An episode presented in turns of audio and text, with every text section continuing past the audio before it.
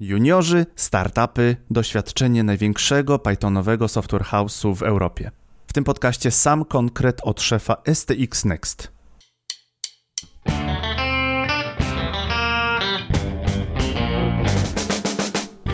Maciej Dziergwa sam zbudował swoją firmę i na początku był w niej szefem, programistą, agile'owcem, sprzedawcą HR-em.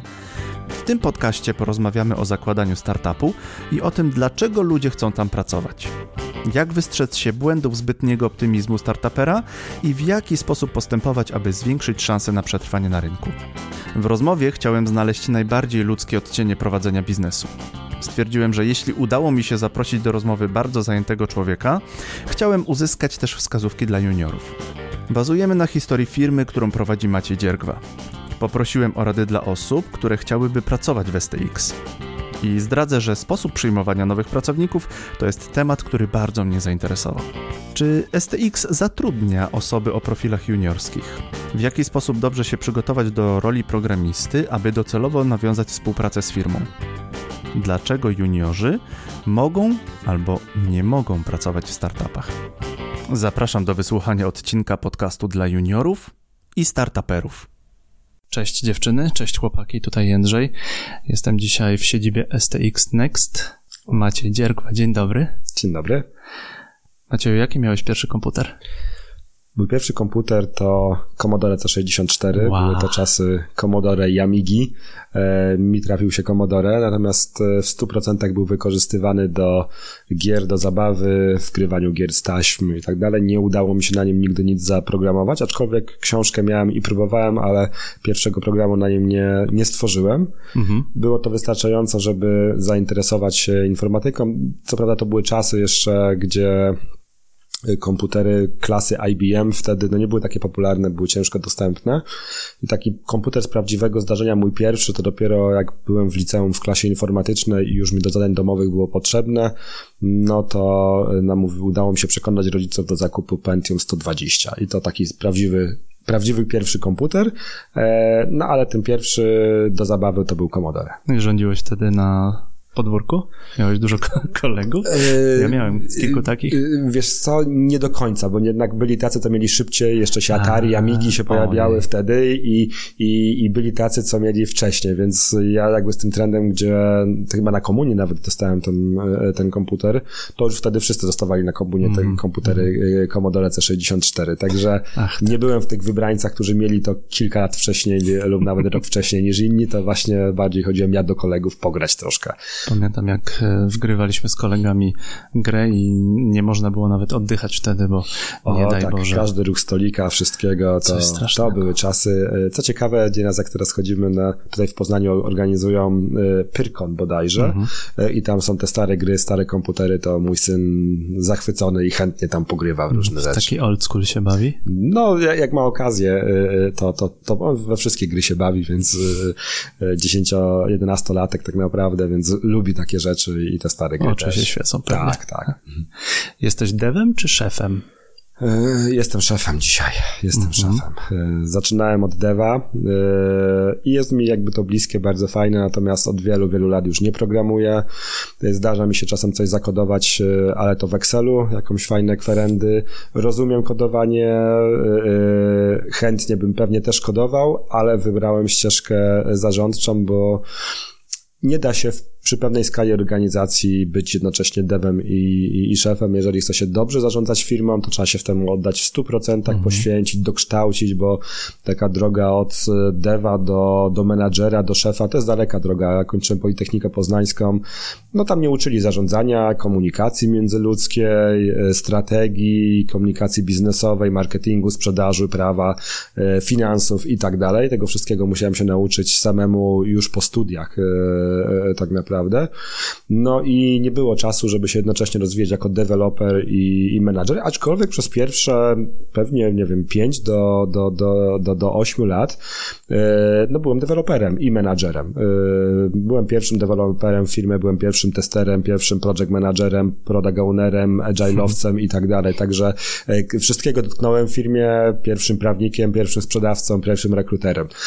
Każdą rolę praktycznie przeszedłem, bo rozwijałem firmę od samego początku od jednego pracownika, czyli od startupu do, do średniej firmy, średniej wielkości software house'u dzisiaj, a w obszarze Pythonowym to już dużego software house'u. I całe życie?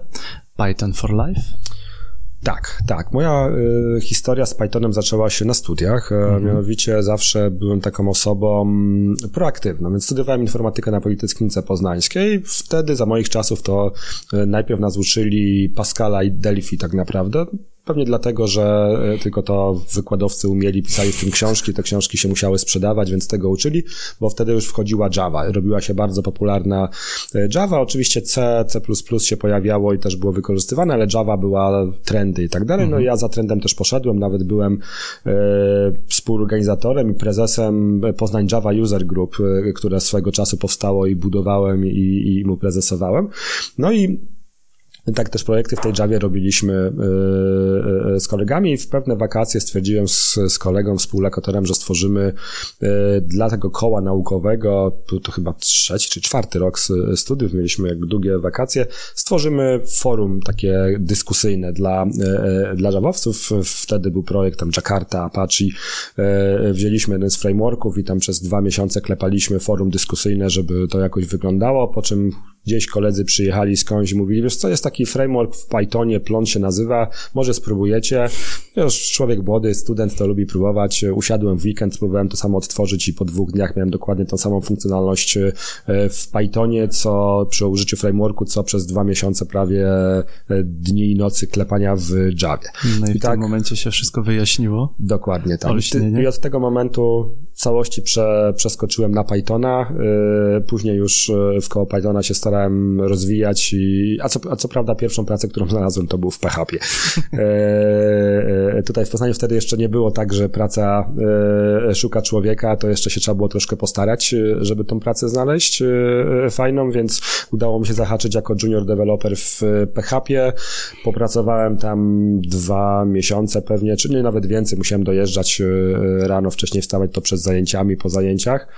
E, no ale jakby to nie było to. Takiej siaczki w kodzie to nie zapomnę do dzisiaj i, i, i później jakby już przyszedł Python, to zostało w Pythonie, ponieważ no też pracy w Pythonie w Poznaniu nie było wtedy. Może ja też nie szukałem, e, ponieważ zaraz po studiach wyjechałem pracować jako programista do Holandii. E, po paru miesiącach chciałem wrócić do domu, więc namówiłem Holendrów, żeby tutaj spółkę, oddział otworzyć firmy holenderskiej i od tego czasu zaczęliśmy propagować tutaj Pythona w Polsce, można powiedzieć. Przede wszystkim w Poznaniu, ale, ale też później w Polsce całej. Można cię nazwać ojcem chrzestnym Pythona w Polsce? Yy, tak bym może też yy, tego nie powiedział, bo nie jestem jakąś gwiazdą Pythonową, no natomiast STX jako firma, bardziej STX niż, niż ja, no ja byłem za Pythonem, STX to Python dlatego, bo ja tak zdecydowałem, bo ja tak chciałem i wszystko robiłem to, żeby tutaj był Python i nie było tutaj PHP, Java czy, yy, czy .NETA, chociaż były gdzieś takie pokusy różne biznesowe, ale jednak zostaliśmy blisko jakby tego kora naszego tych języka i z tego słyniemy, z tym się wyróżniamy wyróżniamy na rynku, że my jesteśmy software house'em Pythonowym, oczywiście korzystamy z innych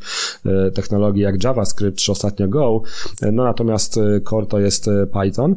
Natomiast jako firma zrobiliśmy, uważam, w, ostatnich, w ciągu tych 15 lat bardzo, bardzo dużo, między innymi pamiętam konferencja, największa polska konferencja Pythonowa PyCon PL. Byliśmy pierwszym w historii sponsorem tej konferencji jako mm. firma i wierzę, że pociągnęliśmy też firmy inne za sobą. Dzisiaj to jest bardzo popularna duża konferencja. Przez wiele, wiele lat, e, jak jeszcze byłem blisko technologii, programowałem, byłem prelegentem na tych e, konferencjach e, i przez wiele, wiele lat, przez kilkanaście lat wspieraliśmy, sponsorowaliśmy konferencje, ale też dużo własnych eventów robiliśmy po to, żeby popularyzować Pythona. Dzisiaj można powiedzieć, że w Poznaniu 80% Pythonowców to albo obecni, albo byli pracownicy, współpracownicy też STX-a. No po prostu tutaj rzeczywiście rzeczywiście to myślę, jakby jesteśmy kuźnią Pythona w e, Poznaniu. Dlatego bardzo mi miło, że jesteśmy tutaj i tutaj pytanie. Jako szef firmy, która ma korowy Python, firma, która od półtorej dekady ma te, ten, ten Python w sercu. Daj proszę dobrą radę dla juniorów, którzy kiedyś by chcieli zapracować na na pozycję w STX-ie, pracować w STX-ie? Mm-hmm, mm-hmm. To może dam takich, e, taką złożoną radę z kilku lat. Po pierwsze, to e, żeby nauczyć się w ogóle programowania trzeba poświęcić sporo czasu. To nie jest tak, że można sobie zrobić jeden kurs i zamiast hype teraz na programowanie, nie tylko Python, ale też inne, to ja sobie zrobię kurs weekendowy i będę programistą. Nie, to, to tak nie działa. To są długie godziny, czy na studiach, czy po studiach, czy w pracy, nocki przesiedziane po to, żeby próbować kodować i poprzez kodowanie uczymy się i rozwijamy się. To nie jest coś, czego naprawdę można się z książek nauczyć, to tylko poprzez praktykę i przez ilość godzin spędzonych na programowaniu. Najlepiej zahaczyć się właśnie gdzieś e, jako stażysta, e, e, czy gdzieś i tam szkolić się. Natomiast, żeby zacząć, na pewno warto te kursy zrobić, poczytać trochę książek, następnie porobić sobie pierwsze jakieś programy dla siebie, czy dla friends and family, dla znajomych, i, ale ten czas trzeba poświęcić. Te pierwsze szlify trzeba zdobyć. Warto przyjść, następnie uczestniczyć w różnych eventach. My między innymi staramy się popularyzować i takie weekendowe eventy Python Has Power organizujemy warto tam się zahaczyć i po, jak już mamy takie obeznanie z językiem, e, warto próbować startować na stanowiska juniorskie. My jako STX e, e, przyjmujemy juniorów, ale nie zawsze. To zależy, bo mamy pięć oddziałów w całej Polsce i to zależy od momentu jakby jaki mamy rozkład seniority w danym oddziale, ponieważ żeby przyjmować juniorów musimy mieć wystarczającą liczbę seniorów, którzy będą jakby mogli podciągać tych mm -hmm, ludzi. W ogóle Software House jest bardzo fajnym miejscem, żeby się rozwijać jako programista, bo mamy okazję pracować z wieloma technologami i z wieloma osobami z większym doświadczeniem. Dlatego nie zawsze i nie w każdym mieście mamy otwarte rekrutacje na stanowisko e, juniora. Ostatnio, ponieważ jesteśmy na tyle duzi i tak mamy e, sporo jakby e, tych ról seniorskich w całych biurach, że nawet na stażystów się otwieramy i bodajże w Łodzi realizowaliśmy programy sta, stażystów i dla studentów i, i część z tych ludzi później z nami pozostawała. Kolejna rzecz, jeżeli jest takie stanowisko, trzeba spróbować rekrutować. To, co wierzę nas wyróżnia i na to my na, naprawdę kładziemy duży nacisk i w zespole jakby rekrutacji i od zawsze, od samego początku starałem się to mieć, to zawsze dajemy bardzo dobry feedback osobom, szczególnie tym, które się nie dostały. Czyli mhm. jeżeli osoba u nas startuje w rekrutacji, dostaje feedback, dlaczego się dostała, czego jej pracuje, dajemy, dajemy wskazówki, żeby, żeby nadrobić zaległości i bardzo często te osoby po roku, dwóch do nas wracają, udaje im się gdzieś na przykład zahaczyć w innej firmie, gdzie być może akurat w danym momencie e, wymagania są troszkę inne, popracować lub do, po, po godzinach te, te brakujące kompetencje zdobyć i po roku czasu startują i dostają się u nas. Także nawet jak się komuś nie udało, a wykorzystał kolejny rok na rozwój e, swoich kompetencji, warto do nas próbować. Mamy bardzo dużo case'ów, osób, które wróciły do nas e, po nieudanej wcześniejszej rekrutacji, mówiąc, że pokazaliście mi, co muszę zrobić, czego mi brakuje, wykorzystałem ten czas i te same osoby się do nas dostają rok później. Fajnie, to tak sobie Wychowasz juniora trochę. E, tak, trochę tak, trochę czasami nam inne firmy pomogą wychować juniora, e, mhm. bo, bo mają jakby być może inną, inną potrzebę. My nie zawsze akurat w danym momencie tego juniora jesteśmy w stanie przyjąć i, i, i go dobrze jakby później wesprzeć w rozwoju, e, ale rzeczywiście ten, ten feedback, czyli wzięcie udziału w rekrutacji w ogóle jest bardzo ciekawym doświadczeniem, ponieważ u nas tak wygląda, że najpierw jest taka rozmowa z, z rekruterem sprawdzająca jakby taki fit kulturowy, czy ta osoba się nadawnie stawiamy na zespołowość dużo i też szukamy takich osób, które lubią w zespole pracować. To właśnie dzięki temu się można też fajnie rozwijać, ale później jest też y, druga rozmowa, część techniczna, gdzie jeden z naszych senior deweloperów po prostu robimy taki pair programming i obserwujemy, jak dana osoba pracuje, jakich narzędzi korzysta, jakie ma y, style tak naprawdę, y, styl pracy, co potrafi, też przy okazji zadania testujemy kompetencje techniczne. Na podstawie tego możemy bardzo fajnie dać feedback zarówno techniczny, jak i taki culture fit i, i, i miękki na poziomie komunikacji. Jeżeli opowiedziałeś mniej więcej, jak się wychowuje juniora, jak wy sobie mhm. wychowujecie juniora, a ty masz, ty masz mnóstwo lat doświadczenia na tym rynku mhm. i pracowałeś chyba w każdej możliwej, w każdym możliwym rodzaju firm. Mhm. To jak się wychowuje firmę Mówiłeś, że firmę zbudowałeś od zera. Tak, no, y, my ogólnie naszych też klientów i, i firmy, można IT, dzielimy na takie cztery kategorie mhm. e, e, e, i z taki z czterema kategoriami firmami pracujemy. Czy to jest twój podział, czy to jest podział ogólny? E, to jest nasz podział, który Aha. on troszkę gdzieś rynkowy pewnie się pojawia, natomiast to jest jak my postrzegamy naszych klientów i też przez jakie fazy my po części przechodziliśmy. Mhm. Pierwsze dwa takie poziomy można powiedzieć, że to jest startup i, i startup się charakteryzuje teraz ogólnie startupy są mod, modne taką fazą pre-MVP i post-MVP. Drugie, trzecia kategoria to są takie SME, SMB, czyli takie średnie przedsiębiorstwa, gdzie ja postrzegam teraz, gdzie my jesteśmy jako STX Next. No i czwarta kategoria, czyli to są korporacje, duże firmy z ugruntowaną pozycją. My jako STX przechodziliśmy przez, można powiedzieć, przez te trzy fazy, chociaż tego MVP nie mieliśmy, bo tym produktem, e, czyli po prostu startup i, i średnie e, zorganizowane mm -hmm, przedsiębiorstwo. Mm -hmm. Startupem to byliśmy tak długo, jak nie było menadżerów, tylko byłem ja i wszyscy, i wszyscy mnie zdali, wszyscy mi podlegali, ja kodowałem razem z nimi, siedzieliśmy, no może nawet jednie, nie w jednym pokoju, ale to ja uważam, że startupem to i byliśmy tak do 30, 40, a może i 50 osób, ponieważ mm -hmm. ta mhm. struktura u nas dosyć późno zaczęła e, powstawać ze względu na specyfikę, że bardzo często e, jakby to project managementem się też nasi klienci zajmują, no to, e, czy, czy, czy po ich stronie jest też project management. I wtedy byliśmy startupem. E, co to znaczy? No nie było systemu wynagrodzeń żadnego, nie było systemu benefitów, wychodziliśmy wspólnie razem na piwo, za co wszyscy jakby przychodzili kiedy chcieli, żadnych reguł nie było w firmie, wszyscy się znali, wszyscy siedzieli jakby w, prawie, że w jednym pokoju, czy, czy, czy w dwóch, trzech pokojach i nie było problemu, żebym ja się ze wszystkimi spotkał i nawet raz na pół roku z każdym zrobił e, rozmowę oceniającą, aczkolwiek nawet tego procesu nie za bardzo e, było. Czyli taka, e, nic nie było sformalizowanego. Mhm. I to jest taka główna, główna cecha startupu, takiego, no powiedzmy pre-MVP?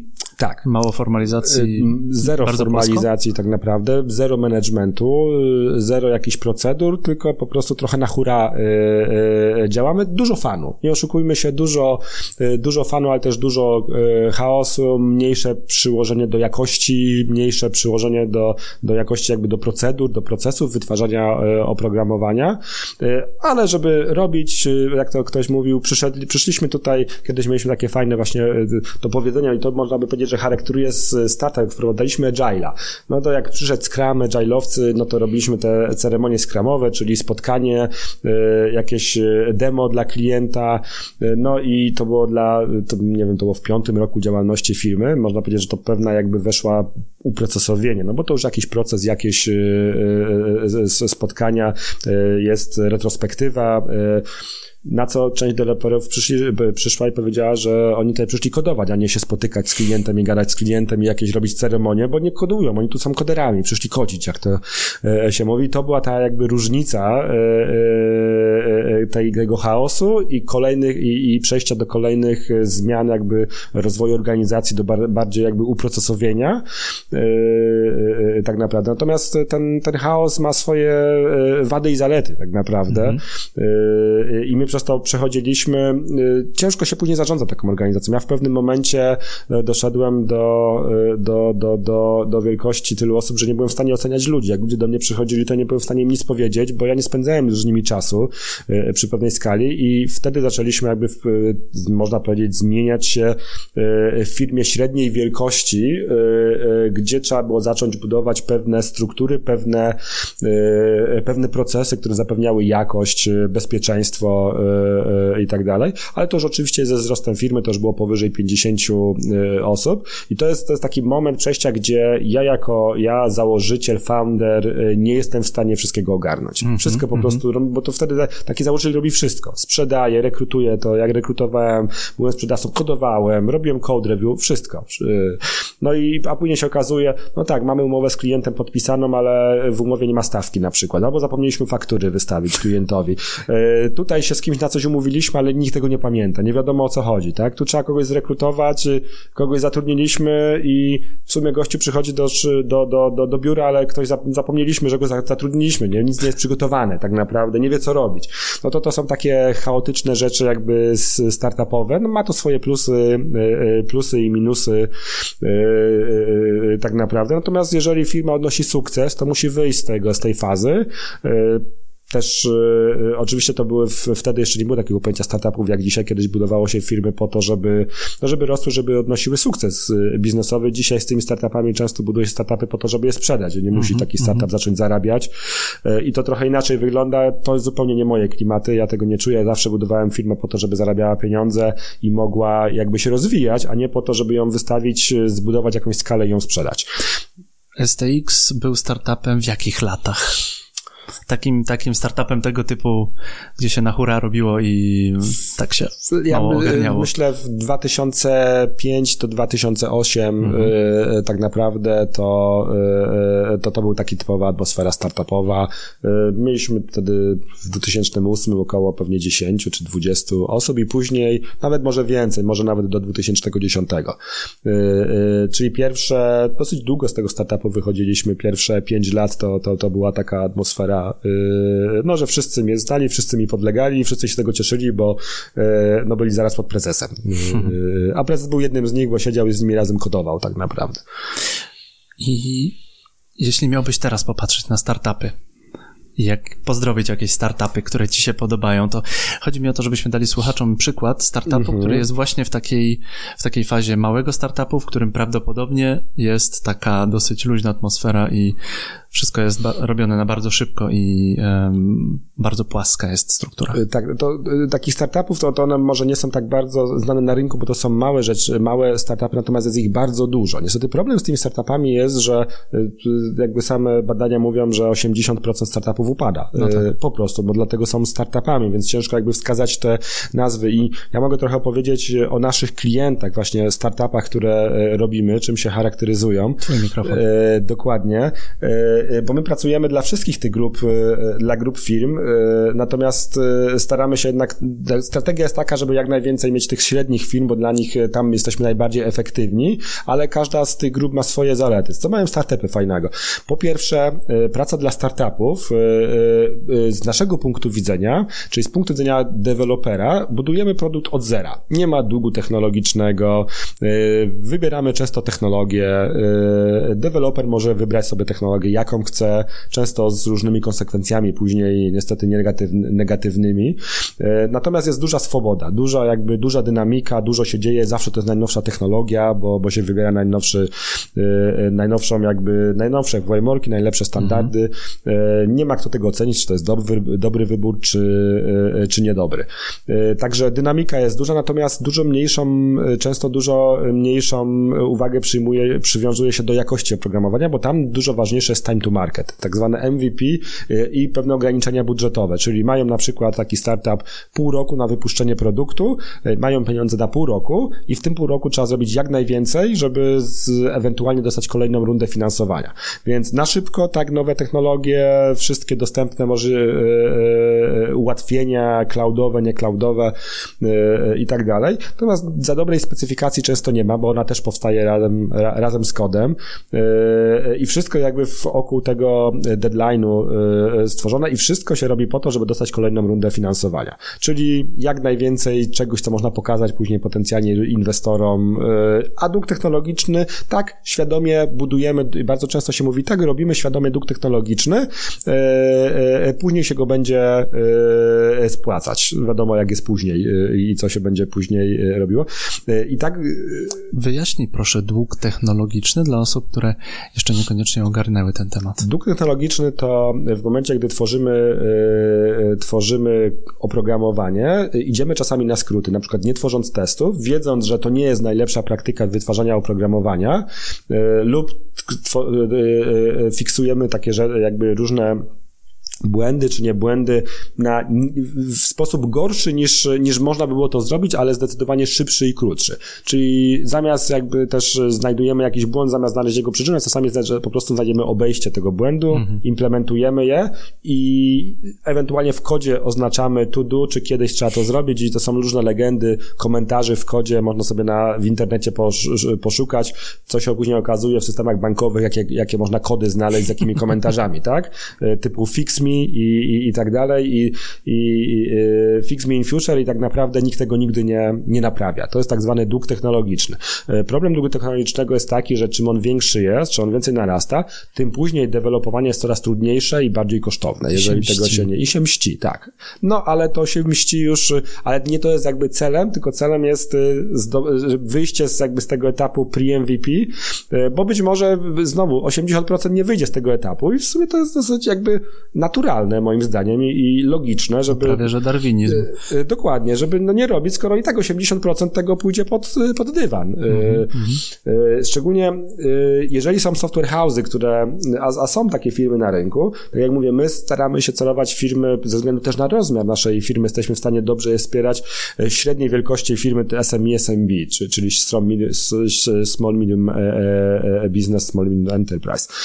Są firmy, które też ze względu na swoją wielkość specjalizują się i robią głównie startupy i, i tak dalej. I gdzieś kiedyś tak ktoś mi powiedział, że My wiemy, że 80% naszej pracy pójdzie do kosza, no ale jak póki klient płaci, a startupy mają pieniądze, to robimy tego typu e, projekty. I to jest jakby rzeczywiście, jak patrzę na, e, bo też w swoim portfolio e, kilka takich startupów pre-MVP mamy, no to potwierdzam, że statystykę, że 80% tych startupów dewelopujemy dla nich przez parę miesięcy do roku, no i później się kończy, bo się okazało, że ten pomysł nie był najlepszy, nie dostali kolejnej rundy finansowania lub ich startup jakby nie miał na celu zarabiać lub nie, nie zarobił tak naprawdę żadnych pieniędzy po to, żeby e, e, się utrzymać. Niestety e, dzisiejszy rynek startupów, szczególnie tutaj jakby pre-MVP, polega na tym, że żeby nie patrzeć, żeby za rok czy po MVP zacząć zarabiać pieniądze, tylko żeby zdobyć kolejną rundę finansowania i z tego się finansuje. Rzeczywiście większość startupów, które robimy w przeciwieństwie do takich większych firm, dla których pracujemy, to tam średnia długość projektu to będzie między 6 a 12 miesięcy i się kończy. Często się kończy tak dla nas jakby źle, że bardzo ciężko y, zgarnąć płatność za ostatnią fakturę, mhm. no bo wtedy już jest za późno, zanim się dowiemy, to, to już, już tych pieniędzy nie ma tak I naprawdę. Firmy nie ma.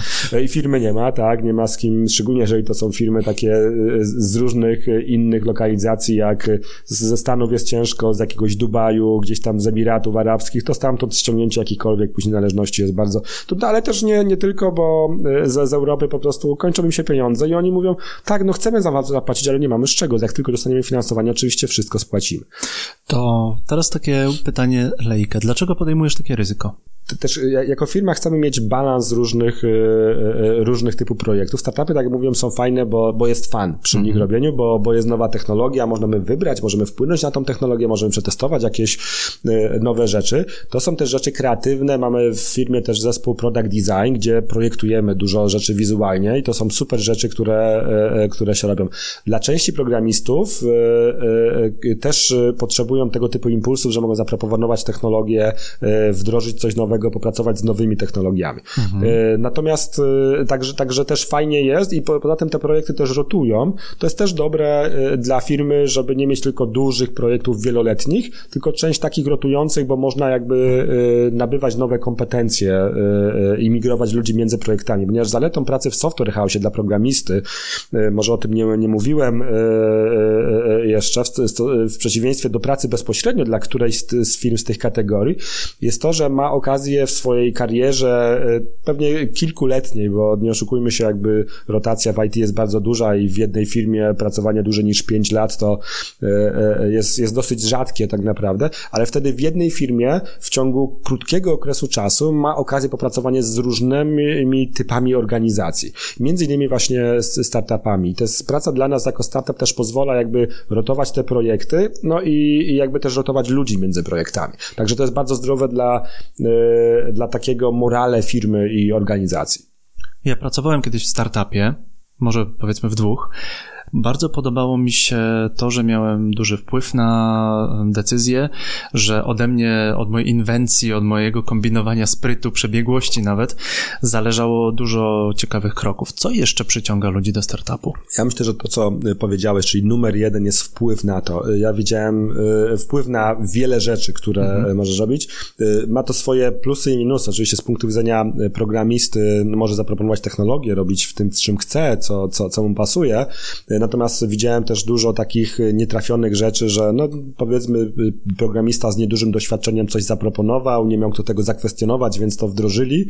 E, jakiś framework, który za chwilę umarł i lub skorzystał z technologii, a bo chciał się nauczyć i dużo case'ów widziałem, bo chciał się nauczyć jakiejś technologii, to ją wykorzystał, tylko później to nie było można tego utrzymać, bo ta technologia była jakby no nie przetrwała próby czasu lub się okazała, że zupełnie nie była nowym fitem. Ale jest tylko dlatego, że ktoś chciał się jej nauczyć Mhm. I, w, I w korporacji, czyli nawet nie w korporacji, w większym projekcie, gdzie jest więcej jakby seniorów, gdzie jest jakiś architekt, takie rzeczy nie przejdą.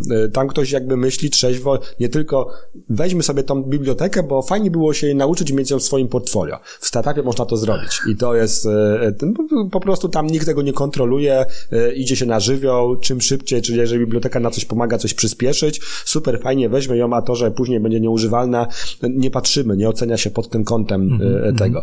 E, czyli wpływ na to. No, druga rzecz, że tworzymy coś od nowa, od zera tworzymy coś nowego i to widać, to bardzo szybko powstaje, też po części dzięki, dzięki nam, więc ten wpływ na, na rezultat jest bardzo widoczny. W dużych projektach to już troszkę inaczej wygląda, trzeba w większych zespołach pracować, dogadać się z innymi osobami, jest jakiś zastany często, często kod, są różne jakby grupy biznesowe.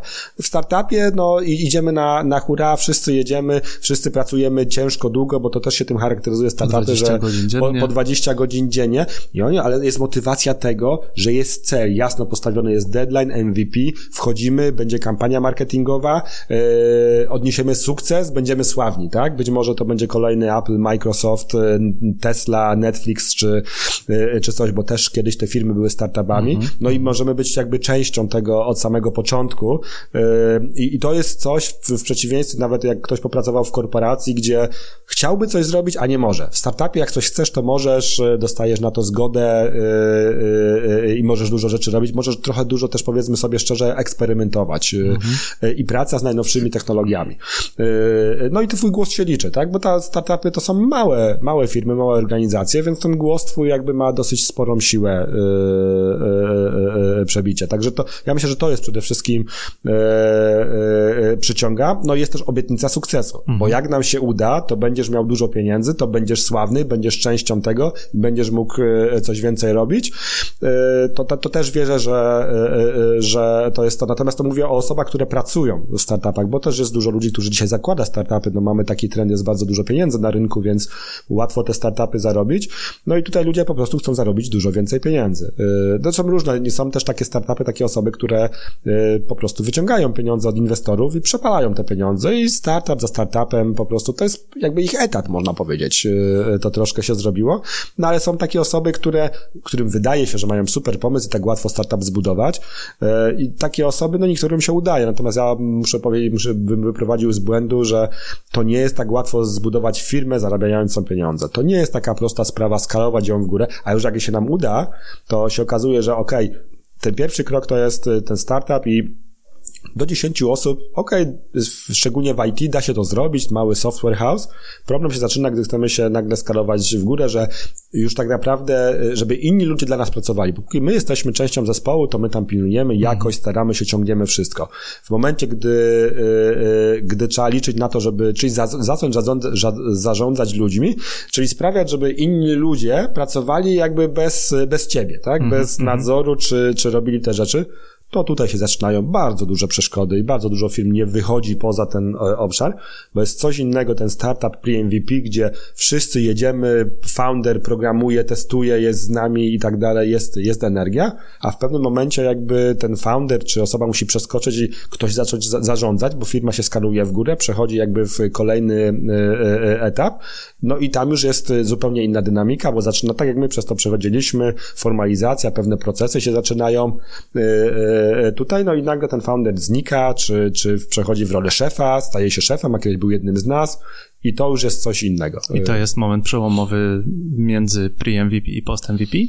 E, to byłby pewnie przełomowy między nawet może post-MVP, a bliżej SME, SM, mm -hmm. SMB, ponieważ tutaj o, o tych pre-MVP i post-MVP mówimy troszkę w przypadku e, firm produktowych. My jesteśmy mm -hmm. firmą usługową e, typowo, więc tutaj takiego rozróżnienia nie do końca jest pre-MVP e, e, i post-MVP.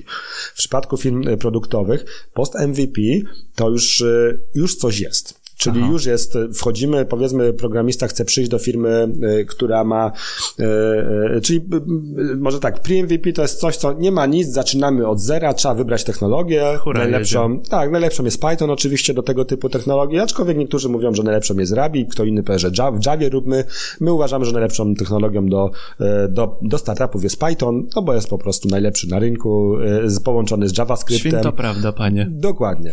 Ale są też tacy, którzy twierdzą, że i w PHP, i w w Javie można fajne rzeczy zrobić, to oczywiście to jest już typowo tak jak można by z religiami to troszkę. Tego no my jesteśmy z tej, z tej opcji Pythonowej mhm. i, i w koło Pythonowej. Chociaż jak to jest coś jest w Javie i w JavaScriptie tak naprawdę i w backendzie też jest JavaScript, to też dla nas jest ok, bo to jest blisko w sumie Pythona i Java u nas też, Java, JavaScript tak naprawdę u nas jest bardzo, bardzo mocno uważamy, że jest komplementarna do, do Pythona. W momencie, gdy mamy już MVP, tak, e, takie e, e, pierwsze, już produkt gdzieś tam może nawet jakieś przychody generuje, został pokazany publiczności, jest jakieś kolejne finansowanie. Czy to zaczyna produkt na siebie zarabiać, rzadko kiedy, czy jest kolejna runda finansowania tego, no to przychodząc do takiej firmy, no to to finansowanie już jest dużo większe i nagle bardzo dużo pieniędzy już nie idzie na sam development, tylko na sprzedaż i marketing, na pozyskanie klientów. Nagle się okazuje, że to już nie kod i deweloper jest najważniejszy, ale klient jest najważniejszy, bo, ty, bo to klienci, trzeba ich mieć tych klientów, bo w MVP to najważniejszy jest deweloper, kod i, i, i, to, co dostarczymy, technologia. Tutaj wchodzimy i nagle się zmieniają jakby ta, ta percepcja, już yy, właśnie te, ta, ten nacisk jest gdzie indziej położony, że już się patrzy, o, gdzie, czy tam gdzieś się przychody generują, czy się nie, nie generują. Natomiast programista, jak wchodzi do takiego projektu, to zespół już jest dużo większy niż był, bo trzeba budować skalę, nowe funkcjonalności, nowe integrację z innymi systemami, y, ale jednocześnie no, mamy dług technologiczny, pierwszy się pojawia, y, zastana technologia, bo już nie możemy użyć czego chcemy, bo ktoś już coś użył, co więcej wchodzimy, ktoś sobie coś użył, ale już odszedł, bo to mieliśmy takie sytuacje. I ta osoba, ok, stworzyła coś, jakiś swój własny framework, y, notabene, to najgorsze, co można zrobić, to tworzyć swój własny framework w ramach startupu. Jedynie się tylko Google'owi udało i, Facebookowi, to oni sobie mogą stworzyć własne frameworki. Natomiast jak ktoś próbuje swój własny framework do cokolwiek stworzyć, to jest najgorsza decyzja, jaka może być. No ale jak ktoś chce się wykazać, a szczególnie jeszcze się trafi dobry, bardzo dobry deweloper, który naprawdę jest kumaty i ma predyspozycję, żeby to zrobić i wymyśli coś tak trudnego, że później nikt tego nie może używać. To widzieliśmy takie rzeczy. Tak dobry framework stworzył, zaawansowany, że tyle fajnych rzeczy robił, że nikt tego nie, mógł, nie miał zrozumieć, później tylko on jakby dobrze wiedział, jak to wykorzystywać, a nie rozwijać. A on już sobie odszedł, bo się znudził, tak? Bo, bo to takie osoby bardzo jakby twórcze, kreatywne też szukają nowych, nowych wyzwań, no i Okay, zrobił tu, minął rok, dwa, poszedł dalej. I co teraz z tym? Cała reszta y, y ludzi z y, senior, y, bardziej powiedzmy regularów, juniorów też musi to używać a jego już nie ma tak naprawdę. Dlatego lepiej korzystać ze standardów, czyli tego, co jest na rynku. No ale zrobiliśmy ten MVP, mamy ten dług technologiczny, z którym trzeba sobie będzie poradzić, a tu cały czas nowe feature'y trzeba dodawać, cały mhm. czas jakby jest presja, o bo nagle klient ważny, a klient chce to, to, to i to i to technologii sobie już nie możemy jakiej wsadzić, no bo już jest zastana, skoro już tyle pieniędzy, czasu wpakowaliśmy w to, żeby zrobić e, e, to, ten MVP, no to teraz oczywiście wcześniej tak każdy mówił, że jak minie MVP, to zamieciemy od dywan i zrobimy porządnie od nowa. Jeszcze Ach. nie wiedziałem, żeby się tak kiedykolwiek stało, żebyśmy coś zamietli i robili, robili od nowa, aczkolwiek jak programista wchodzi, to każdy mówi, że trzeba przepisać od nowa. To jest takie standardowe wejście, że to się do niczego nie nadaje. Co więcej, dobry programista, czy doświadczony programista, jak spojrzy na swój kod sprzed roku czy przez dwóch, to też uważa, że go trzeba przepisać, że, e, że tak, taka jest natura jakby e, tej branży. Po prostu tak to, e, tak to działa. Być może ci najbardziej później seniorzy już mniej, ale tak to jest dla mnie powszechne. Ja też tak miałem, jak się ogląda swój kod sprzed roku, dwóch, trzech, to, to się łapiemy za głowę i mówimy, jakby mogliśmy to napisać w ogóle wstyd. No ale tak się szybko branża zmienia, tak się też szybko potrafimy tutaj rozwijać. Więc post MVP to już, już jesteśmy więcej, więksi, już pewne struktury wchodzą jakby jakby w zarządzaniu, aczkolwiek to jeszcze nie jest jakby duża rzecz, bo dopiero zaczynamy tego klienta zdobywać. Jeszcze cały czas jest duża dynamika, cały czas duży przyrost funkcjonalności, cały czas pewne pivoty, że stwierdzamy, a to jednak trzeba coś innego zrobić. Często czasami się z, y, część rzeczy wyrzuca w ogóle i stwierdzamy, to było bez sensu, teraz zróbmy to. Y, I, i tak wygląda post MVP y, tak naprawdę. Ja bym powiedział, że ta, tu już jakby dużo stabilniej. Tu już mhm. jest dużo większy budżet, więc tutaj klienci jest większa szansa, że zapłacą, bo tam nie wspomniałem jeszcze odnośnie wynagrodzenia, że y, nie jeden przykład słyszałem, że y, y, w startupach tych pre-MVP była obietnica, poróbmy jeszcze przez dwa miesiące, jakby, jakby z bonusem sobie wypłacimy, jak tylko przyjdzie finansowanie i to finansowanie nie przechodziło i niestety nie było pieniędzy, nie było tego wynagrodzenia. To jest ten challenge, tak? I co ciekawe, y, co w korporacji czy w większych firmach jest nie do pomyślenia, żeby pracownik y, mógł się zgodzić, to ja jeszcze dwa miesiące popracuję i później mi może zapłacicie, to w startupach jest to naturalne i ci ludzie potrafią pracować właśnie za tą obietnicę tego, że większych pieniędzy y, biorą to ryzyko na siebie jako pracownicy, co jest ten, że biorą ryzyko, że mogą nie zostać, nie dostać wynagrodzenia i spotkałem się z kilkoma case'ami, że ktoś poszedł do startupu i no i tam tych ostatnich czterech pięciu pensji po prostu nie dostał. E, po czym skończyło mu się finansowanie rodzinne i rodzina stwierdziła, już nie rób startupu, idź gdzieś do, do, do firmy, no bo musimy jakby się tu utrzymywać, tak? E, e, tak naprawdę. I to jest to startupy pre-MVP. Mhm, to, to, mhm. to jest naturalne i to działa zarówno z punktu widzenia programisty jako pracownika, jak i naszej, gdzie my współpracujemy z takimi firmami. Musimy być bardzo ostrożni i prześwietlać te firmy po to, żeby nam firma też zapłaciła na końcu, no bo mamy takie złe doświadczenie, że nam też firmy nie, nie płaciły tutaj i, i tu staramy się też na różne sposoby zabezpieczać, ale wiadomo, nie, nie, zawsze, e, nie zawsze jest to możliwe. Co przyciąga ludzi z kolei do post MVP, oprócz, nie wiem, owocowych wtorków i piwa w piątek po 17? Co tutaj jest takiego e, atrakcyjnego? E, tutaj już jest, e, post MVP to już jest jakiś sukces, więc z jednej strony cały czas kultura startupowa, cały czas czujemy się, że jeszcze jakby na tym hypie jedziemy, ale jednocześnie już jest większa stabilizacja, większe bezpieczeństwo zatrudnienia, otrzymania wynagrodzenia, czy większe budżety na różne rzeczy. Też większy zespół już się zaczyna budować z bardziej też często doświadczonych ludzi i tutaj tutaj no, można powiedzieć, że y, już tak te, te największe ryzyko już jest za nami. Mhm. Y, że to już jest moment, gdzie firma y, myśli o tym, że żeby zacząć zarabiać pieniądze. Niektórzy już zaczynają zarabiać, niektóre firmy, niektóre dopiero jakby są. Lub inna sprawa, ten, ta druga runda finansowania, czy trzecia, która tutaj wchodzi, to już są dużo większe pieniądze. To już są pieniądze liczone w milionach, czy mhm. złotych, czy euro, zależy w jakim kraju, a nie w setkach tysięcy. E, także to już jest, e, już, już jakby e, jesteśmy na innym etapie rozwoju. Już zaczynamy powoli też myśleć o, o jakości, zaczynamy spłacać troszkę ten dług technologiczny. Już nie pracujemy, jak jakby w startupach czasami się pracuje. W startup często to jest typowy zespół, to są dwie, trzy osoby na przykład. Mhm. W post MVP to już możemy mówić o pełnym zespole agile'owym 7 plus minus 2. E, pojawiają się właśnie nowe role, już jest miejsce może i dla Scrum Mastera, e, jest miejsce dla testerów, bo tak w, w, w pre-MVP to pewnie e, często się programiści sami testują, a tutaj już jest miejsce, budżet na to, żeby dorzucić testera manualnego, może i automatycznego, pomyśleć trochę o architekturze, czyli już pewne elementy takie większe wchodzą, bo właśnie pojawia się klient, już prawdziwy klient, więc feedback od tego klienta jest, jest zbierany, ale też przede wszystkim y, jest większy zespół programistyczny, od którego młody programista może zacząć się uczyć. To jeszcze nie są bardzo duże zespoły, y, to cały czas jest jakby jeszcze w jakimś tam, y, tam chaosie, no bo to cały czas organizacja się rozwija, tak? I ona menadżersko też musi dorastać do, do tego, ale już się te pierwsze role menadżerskie zaczynają pojawiać. Też pewnie Agile, czy, czy jako jedna z metodyk, ale w tej najpopularniejsza, coraz bardziej jakby jest jest e, e, e, obecna i, silniejsza i w koło niej się buduje jakby no też takie zarządzanie wiedzą, projektem, produktem tak naprawdę. Więc to, to, to, to z jednej strony dla mnie to post MVP to jest trochę taki łącznik między średniej wielkości firmą, a, a typowym startupem. Startup to rzeczywiście tam jest chaos pełen, ktoś mówi zespół, a to się okazuje właśnie trzy osoby, brakuje pewnych ról, no brakuje, bo w budżecie nie ma miejsca dla testera, no to my potestujemy tak naprawdę. Więc e, tutaj mówisz o rozmiarze firm. To można śmiało założyć, że do startupu, do takiego pre-MVP, to albo to są trzej koledzy, mhm. albo jakiś już doświadczony programista, który zaczyna na zasadzie, ach, ja zrobię swoją firmę. I tutaj rekrutacja jest albo tak no też pewnie na hura. Tak, no tak, no bo tu nie, nie ma rekrutera przede wszystkim, mhm. no ale też może być tak, że ktoś ma pomysł na biznes i dostał powiedzmy tam 700 tysięcy złotych. No i, mhm. i, i, próbuje coś zrobić. No to przecież nie, pierwszej osoby nie będzie rekrutera rekrutował, tylko weźmie agencję, która zrekrutuje, czy gdzieś puści ogłoszenie. Jakaś i, kontraktownia, coś do, takiego, do, Dokładnie coś takiego. I to jest yy, i, i, tak, i tak to działa, nie? Mhm. I tak to działa i tam też często nie ma kto, można się łatwiej dostać teoretycznie, bo nie ma kto tych umiejętności zweryfikować. No i nie oszukujmy się, nam nie będzie do, ja myślę, że dla programisty młodego to nie jest to dobre miejsce, bo nie będzie się od kogo uczyć. Nie będzie dobrych praktyk, z których się można e, uczyć, bo nie to jest celem startupu. MVP jak najszybciej minimal viable product tak mhm. tak naprawdę. On może być z błędami, on ma być viable tak naprawdę, ma protestować pewne rzeczy.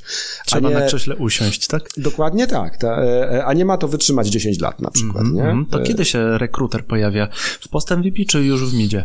E, ja myślę, że w midzie. E, mhm. E, myślę, że, że w midzie, że post MVP to jeszcze będą korzystali z agencji rekrutacyjnych, czy, czy samodzielnie próbowali ogłoszeń. Oczywiście też, no, to, to, to, tutaj te definicje nie są jakby, czy rozdzielenie między post MVP, SMI, SMB, to dosyć płynne jest tak naprawdę. Czasami jest tak, że i korporacja potrafi startupowy projekt zrobić z tymi wszystkimi chaosami i tak dalej, i tak dalej. Natomiast to jest tak mniej więcej jak my, my my, te też projekty oceniamy pod kątem wielkości, właśnie wielkości danej firmy, stadium, gdzie ona jest.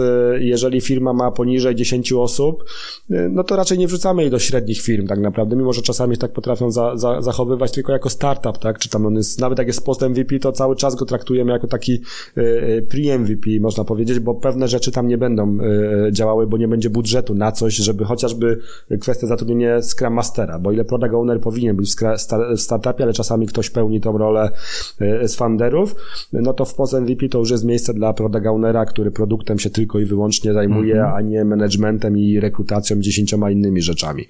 E, także w post MVP już jest miejsce na właśnie specjalizację, na rolę być pewnie i na testera manualnego, automatycznego, a nie to, że deweloper robi wszystko z product ownerem, testerem manualnym, automatycznym i jeszcze pisze dokumentację na przykład. Weźmy pre-MVP, mhm. post-MVP i będziemy zmierzać zaraz e, w stronę SME, SMI, SMB.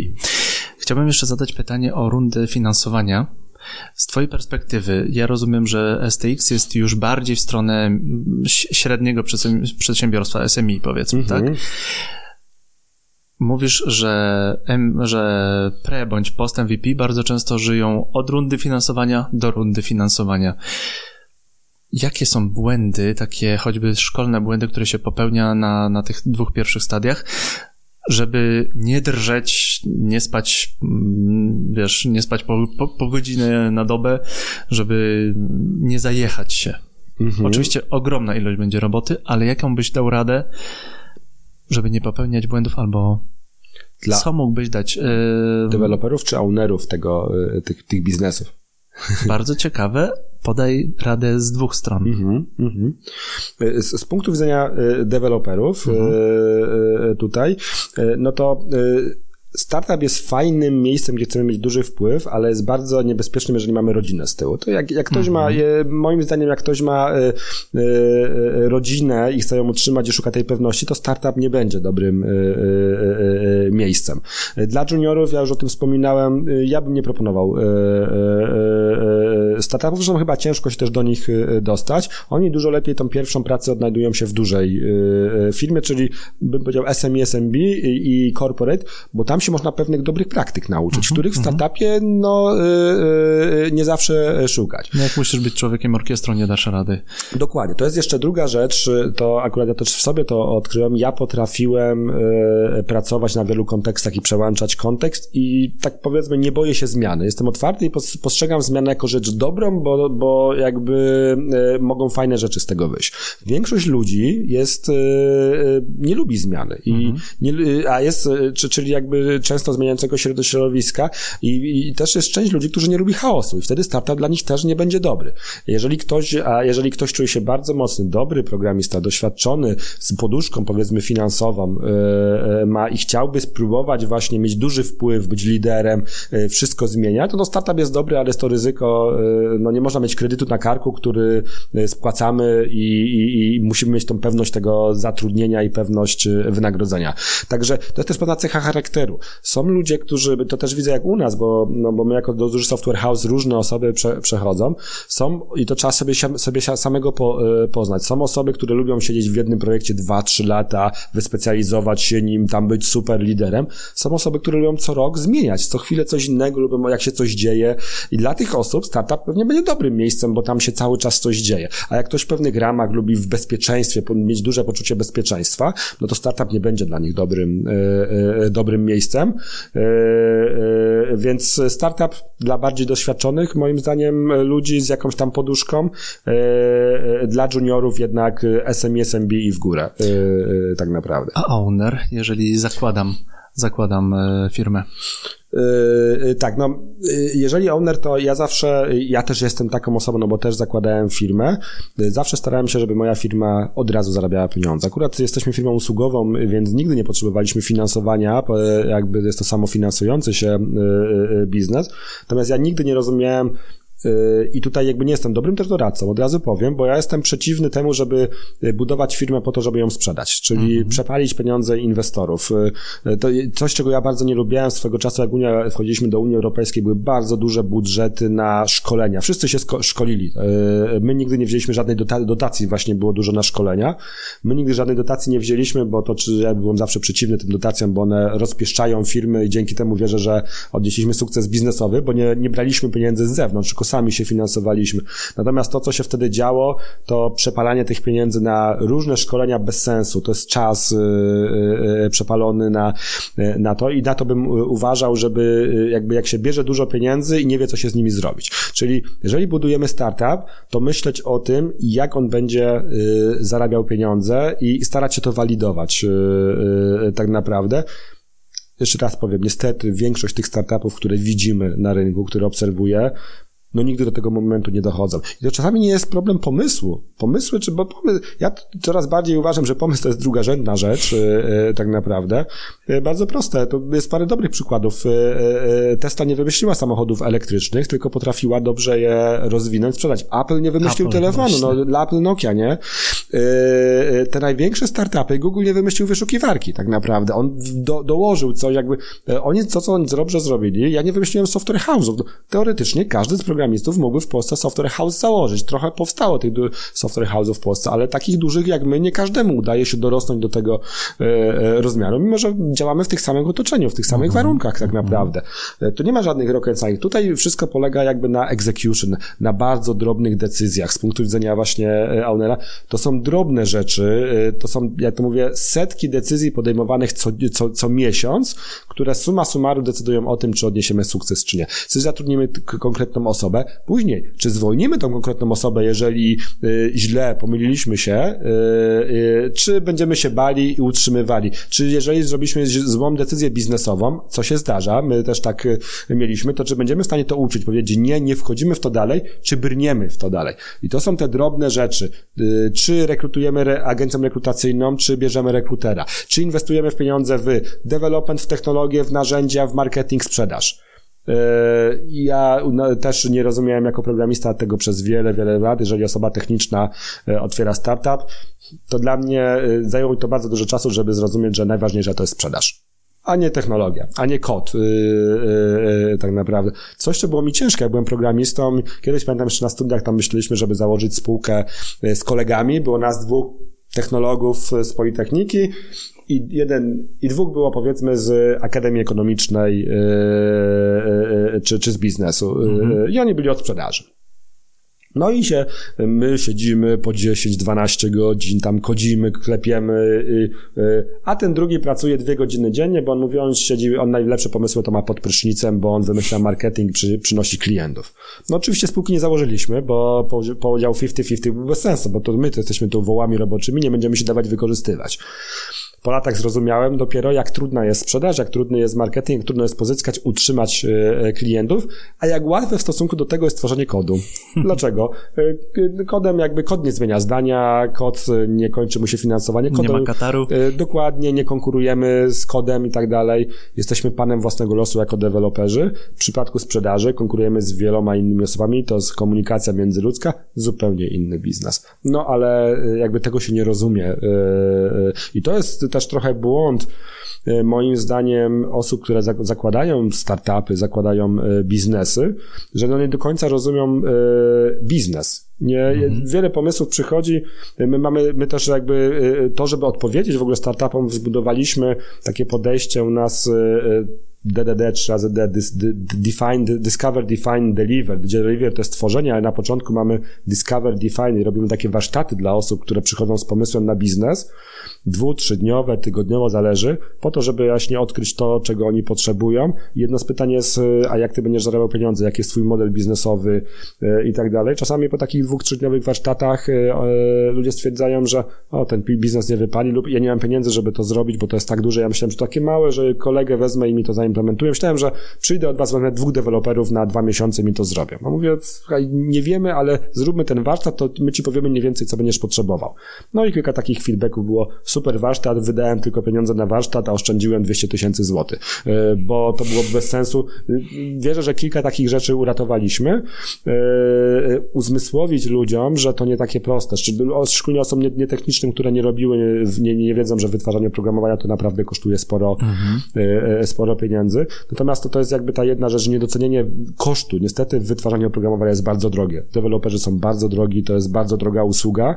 Co więcej, e, stworzenie czegokolwiek zajmuje dużo czasu. Jeżeli robi się to w większej skali, czyli zespół. Zespół kosztuje, tam są, no, to, to tam są dodatkowe osoby, testerzy, agile'owcy, to jest dodatkowy koszt jeżeli tworzymy produkt y, jednym deweloperem, najwydajniejszy jest zawsze jeden deweloper. Nie ma nic wydajniejszego. Zero strat na komunikację yy, yy, i tak dalej. Ale niestety jeden deweloper się nigdy nie skaluje.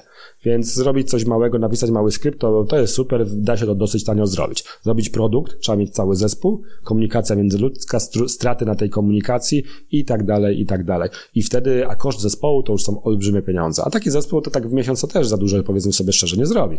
Musi parę miesięcy popracować. Yy, więc, więc to trzeba jakby umieć zrozumieć, a później docenić sprzedaż i marketing, że w sumie to jest dosyć ważne i, i chyba najważniejsze tak naprawdę.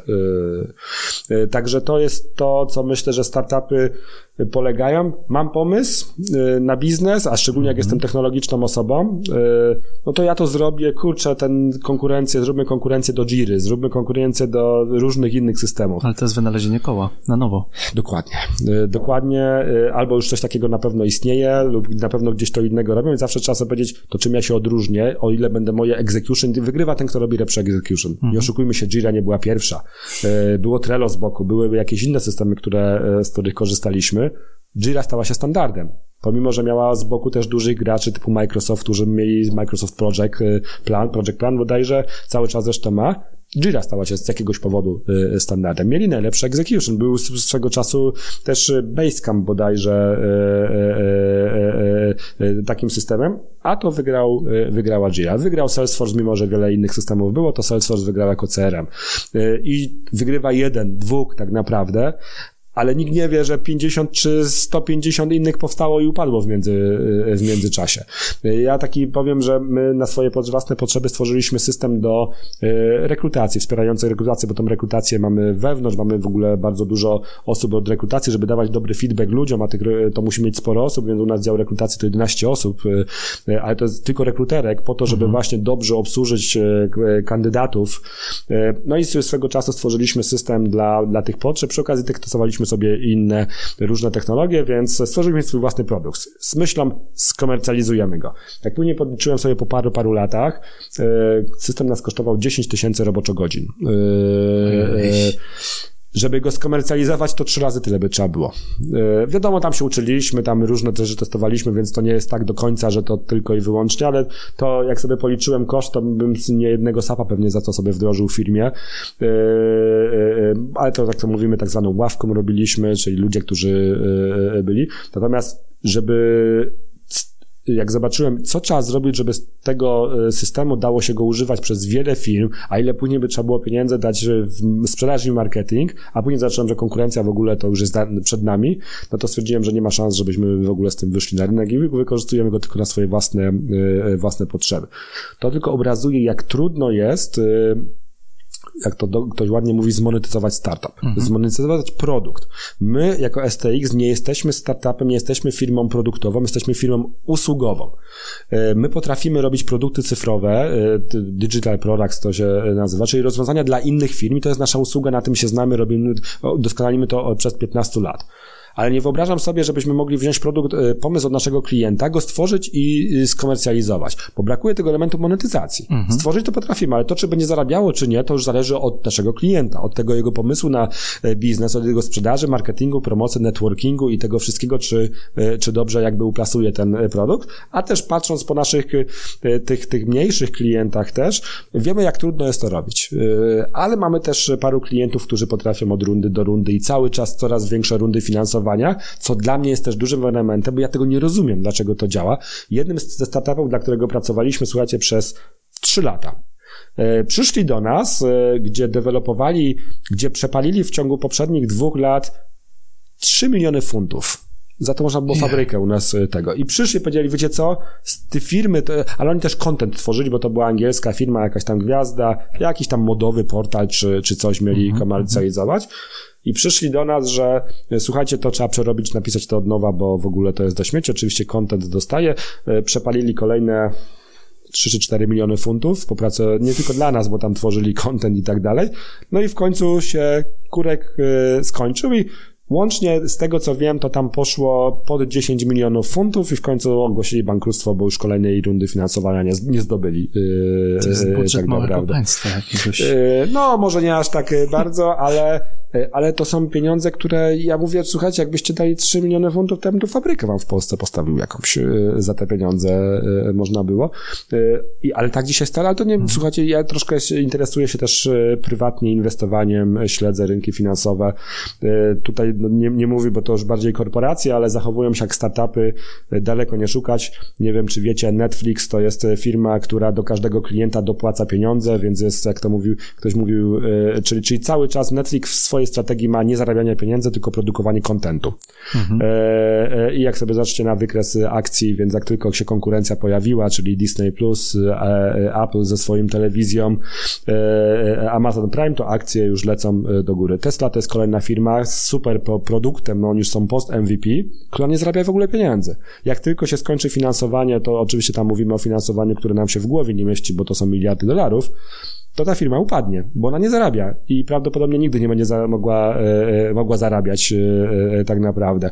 E, kolejna firma, która nie jest na giełdzie, a która jest bardzo e, modna, startupowo, nazywa się WeWork, czyli wynajem powierzchni, to, to są te, te firmy, tak naprawdę też można powiedzieć, Netflix sponsoruje nam produkcję filmów i to, co oglądamy, to płacimy tak mało za duży content, bo nas nawet nie Netflix, bo to nie są ich pieniądze, tylko pieniądze inwestorów, które tam zostały włożone. Oni liczą, że będą drugim Facebook Facebookiem, drugim Googlem, no bo być może będą, być może nie, zobaczymy. Komuś się uda, komuś się nie uda. Konkurencję mają trudną, bo konkurencja z Disneyem i z Applem naprawdę będzie e, trudna. Kolejną firmą, która się też dowiedziałem, że nie zarabia, kolejny startup, można i cały czas traktują jako startup, czyli przepalają pieniądze, chociaż no, ciężko mówić o nich startup, to jest Uber, który też nie zarabia i podobno ktoś mi powiedział, Uber będzie zarabiał w momencie, gdy nie będzie miał kierowców, tylko będą autonomiczne samochody, to wtedy zacznie Uber zarabiać.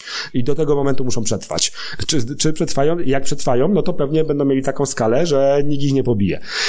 E, co do WeWorka, to w ogóle też jest ciekawa e, historia, bo oni wynajmują największą powierzchnię biurową chyba na świecie, mimo że nie posiadają żadnej powierzchni biurowej. To jest w ogóle, to jest też... Jak to, jak to, jak to działa? Jak to się dzieje? Chyba leasingują tak naprawdę mhm. biura od innych firm, wycenianie są na olbrzymie pieniądze, no i jakby remontują, przystosowują je do, wkładają pieniądze inwestorów w, jakby w marketing, w PR, no i to jest jakby cały marketing PR i wynajmują to dalej, nie? I pewnie dopłacają, no, bo okazuje się, że jest tak dużo pieniędzy na rynku, dlatego te startupy i one tak wyglądają dzisiaj, jest tak dużo pieniędzy na rynku, że one gdzieś muszą swoje ujście znaleźć i w tych dużych startupach znajdują e, e, ujście.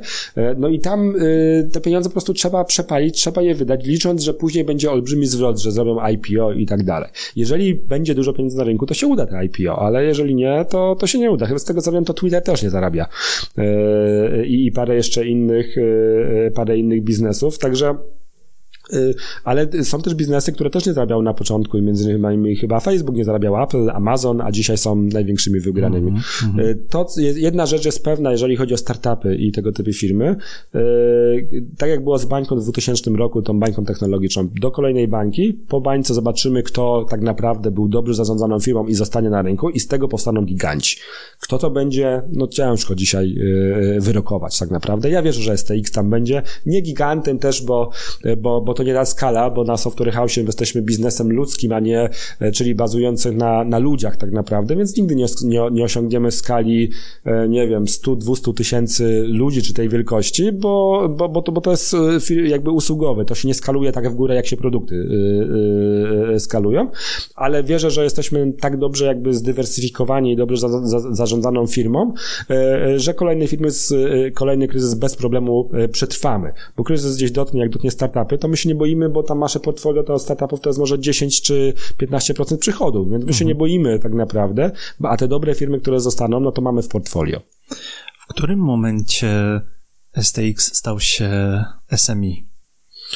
E, myślę, że w momencie, gdy e, przestałem ogarniać tak naprawdę wszystko i stałem się, można powiedzieć, szefem, ale nawet nie szefem, tylko e, zatrudniłem E, pierwszego menadżera, czyli kogoś, mhm. kto jest pomiędzy mną a, e, e, a programistami.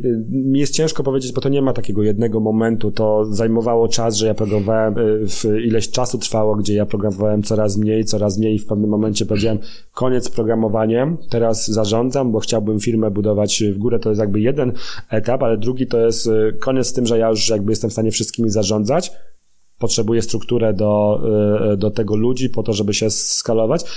Ja myślę, że jednym z takich też etapów było otwarcie pierwszego biura, y, które u nas było we Wrocławiu, no bo wtedy już jakby nie do końca byłem w stanie tym y, zarządzać i tam już był jakiś lider, się pierwszy pojawiał i wtedy y, w, w to, nie, nie pamiętam, który to był dokładnie rok, ale pierwsze biuro było we Wrocławiu, w tym samym roku w, w Pile i, i to był moment, gdzie, gdzie pojawiali się pierwsi jakby szefowie, można by powiedzieć.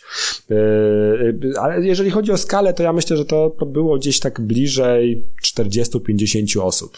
E, wtedy jeszcze byłem, dawałem radę, ale już jakościowo nie byłem z tego zadowolony, jak to, e, jak to wszystko szło. Za dużo gdzieś bałaganu było, już mi to bolało. Jestem w ogóle osobą, która mm, lubi taki robić continuous improvement i jakby lubi yy, kupować rzeczy za, w dobrej cenie za dobrą jakość. Mm -hmm. Dlatego może, masz Apple'a. Dlatego mam Apple'a pewnie. Albo, albo też można powiedzieć, że jestem małym fanboyem, ale coraz mniejszym, bo już coraz rzadziej zmieniam te telefony. Wiesz, czym człowiek jakby może, nie wiem, starszy dorasta, tym, tym bardziej jakby trochę z dystansem patrzy na pewne rzeczy, z czego się dzisiaj jakby trochę E, e, szczycę, nie szczycę, ale jakby jest mi fajnie z tym, że e, bardzo często tutaj deweloperzy, pracownicy zdarza się, że jeżdżą lepszymi samochodami niż, niż ja, bo ja jakoś nie mam potrzeby mieć najlepszego samochodu i, i zdarza się, że podjeżdżają lepszymi samochodami po prostu niż, niż ja. nie lubię zresztą też jakby tego pokazywać. No tak, telefon mam zawsze fajny, no ale też nie tylko ja, bo, bo, bo sporo, sporo osób, ale też ja traktuję to jako narzędzie do pracy. Mi akurat telefon służy do konsumowania treści. Jestem osobą, która bardzo bardzo dużo stawia na rozwój y, swój własny, czytanie, podcasty, słuchanie bardzo dużo jak, jak jeżdżę, dlatego ten sprzęt muszę mieć niezawodny, zawsze przy sobie y, i, i tu nie żałuję, bo to, to, to korzystam jako narzędzie pracy. I na narzędziach pracy jakby nie, y, nie, nie, nie jakby nie, nie żałuję, ale rzeczywiście to jakby wracając do firmy też tak mam i staram się to, zawsze starałem się firmę jakby pilnować właśnie kosztów, żeby nie, nie uciekały yy, yy, tak naprawdę. Dobre podejście jako, jako szefa Ikei. On swoją drogą też jeździł, on to chyba słynął nawet z, ta, z takiego, tak, że był tak. sknerą tak naprawdę. On zresztą Buffett to samo i co ciekawe to trochę tak, no też mi nie, już też to słowo o sobie słyszałem, no trudno. No bardzo cię dobrze rozumiem, ja mam to samo.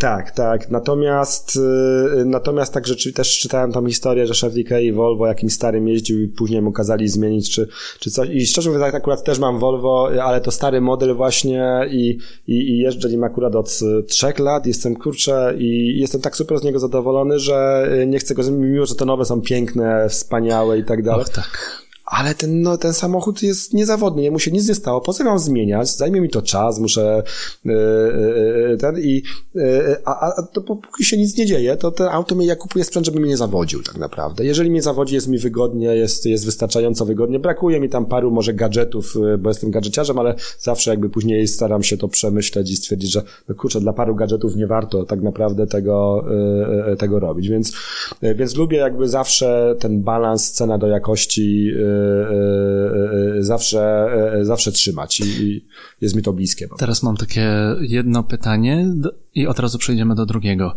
Wiesz, że Google już będzie indeksował nasze, transkrybował nasz podcast, więc wspomniałeś, że słuchasz podcastów, możesz mhm. pozdrowić swoich ulubionych podcasterów.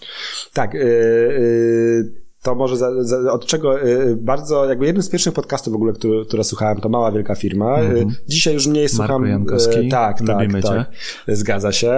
Natomiast dzisiaj mniej, ponieważ chociaż nawet chyba próbowałem, żeby się wprosić do tego podcastu, żeby o firmie powiedzieć, ale, ale gdzieś to gdzieś tak chyba padło. Dzisiaj mniej dlatego, że my nie jesteśmy już małą firmą -hmm. do końca i rzeczy, które tam są, już, już są mi wszystkie znane, praktycznie dużo rzeczy wdrożyłem, ale bardzo, bardzo polecam jeszcze to tak naprawdę z czasów Pawła Tkaczyka, zresztą z Pawłem też się spotykaliśmy później w Wrocławiu, żeby coś razem robić, no ale Paweł przyszedł i kurczę, no wy wszystko już macie tak naprawdę, więc nie wiem, po co wam tu jestem potrzebny i e, też fajnie było tak usłyszeć, ale, ale wtedy to, to, to było fajne. E, teraz to, co słucham e, e subiektywnie o finansach, e, mhm. też bardzo fajny, e, fajny podcast, bo, bo jakby bardzo się interesuje też tą tematyką inwestowania, więc, więc jego słucham.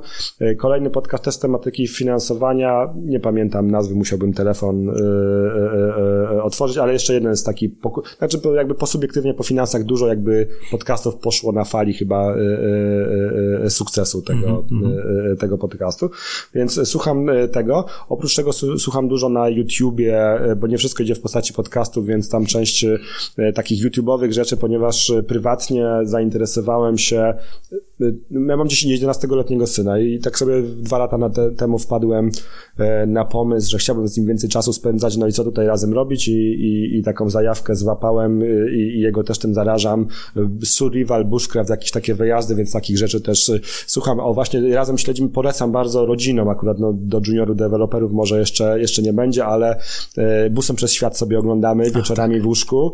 E, no i powiem wam, że super, bo poznajemy po prostu świat przez to. Oni teraz przez Amerykę jadą, mój syn już chce jechać do, do Ameryki i, i, i to są fajne rzeczy. Ja się uczę z tego, on się uczy, e, drugi zawsze sobie wieczorem jeden czy dwa odcinki pykniemy, to, to angielski z, z, z Arlena Witt, e, czy -hmm. na językach, czy jakoś tak się, kurczę, super sprawa, bo, bo ja się poduczę, też to są rzeczy, akurat ja bardzo dużo się uczę ostatnio wymowy angielskie, żeby podszkolić się, no i przy okazji syn nauczę i to są, szukam takich rzeczy, gdzie mogę optymalizować mój czas i spędzać go razem z rodziną. Więc z jednej strony takie jakieś bushcraftowo-survivalowe rzeczy, z drugiej strony właśnie takie rozwojowe, e, coś, co się nam wszystkim e, podoba, czy nie nudzimy się, tak? Bo ja bajek nie chcę oglądać, on jakichś takich bardziej poważniejszych nie chcę, e, nie chcę oglądać, ale muszę też powiedzieć, że, że coraz mniej też słucham takich self-development podcastów, ponieważ w pewnym momencie chyba przegiąłem trochę, tak gdzieś 2-3 lata temu i zauważyłem, że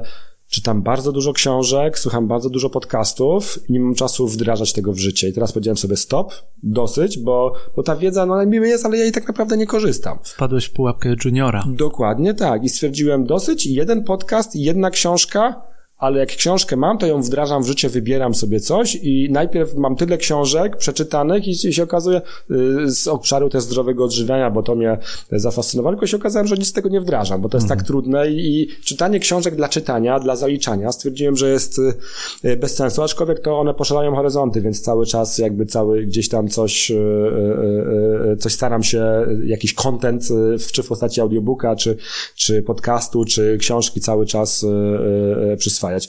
Jedną z książek, którą bym polecił, yy, która mi osobiście dużo też zmieniła w moim podejściu yy, do, do, do życia, bo do biznesu, to jest kurczę, tylko nie wiem, czy dam, yy, którą sobie przez wakacje czytałem, yy, książka, która yy, 7 czy 10 rzeczy e, takich e, e, rzeczy, które ludzie żałują przed śmiercią. Napisana przez taką dziewczynę bodajże z Australii, która pracowała z umierającymi osobami i ona pozbierała parę lat swoich doświadczeń i wymieniła tam bodajże 5 czy 7 rzeczy, które się powtarzały u wszystkich ludzi, które, którzy jakby mówili, ona pracowała z umierającymi osobami, których oni Niesamowita książka, bardzo mi dużo otworzyła i pokazała, gdzie swój czas powinienem inwestować i że rozwój, y, i szczerze mówiąc, pierwszą rzecz, którą powiedzieli, nikt nie żałował y, tego, że za dużo, że y, za mało czasu spędzał w pracy. Nikt tego nie żałował. Nie było takiego. Oczywiście w drugą stronę, w drugą stronę było. Także tam polecam taka wakacyjna książka, która mi pokazała dużo rzeczy i muszę powiedzieć, że mnie zmieniła dzisiaj, jak, jak tak patrzę z perspektywy. Także fajnie sobie taką książkę. Drugą, którą polecam, która mnie wszystkim też tutaj pracownikom zawsze polecam, znaczy jest tych książek trochę, które bym e, polecił, ale to jest 7 nawyków skutecznego działania Coveya. E, też bardzo fajna książka, polecam. E, ja ją akurat się z nią spotkałem jeszcze na studiach, no i muszę powiedzieć, że fajna, super, super książka, polecam, polecam i jeszcze raz polecam. Bo w taki przyjemny sposób pewne prawdy są pokazane, ale ja do niej wracałem i, i tak później się okazało, że się nią kierowałem w wielu, wielu obszarach.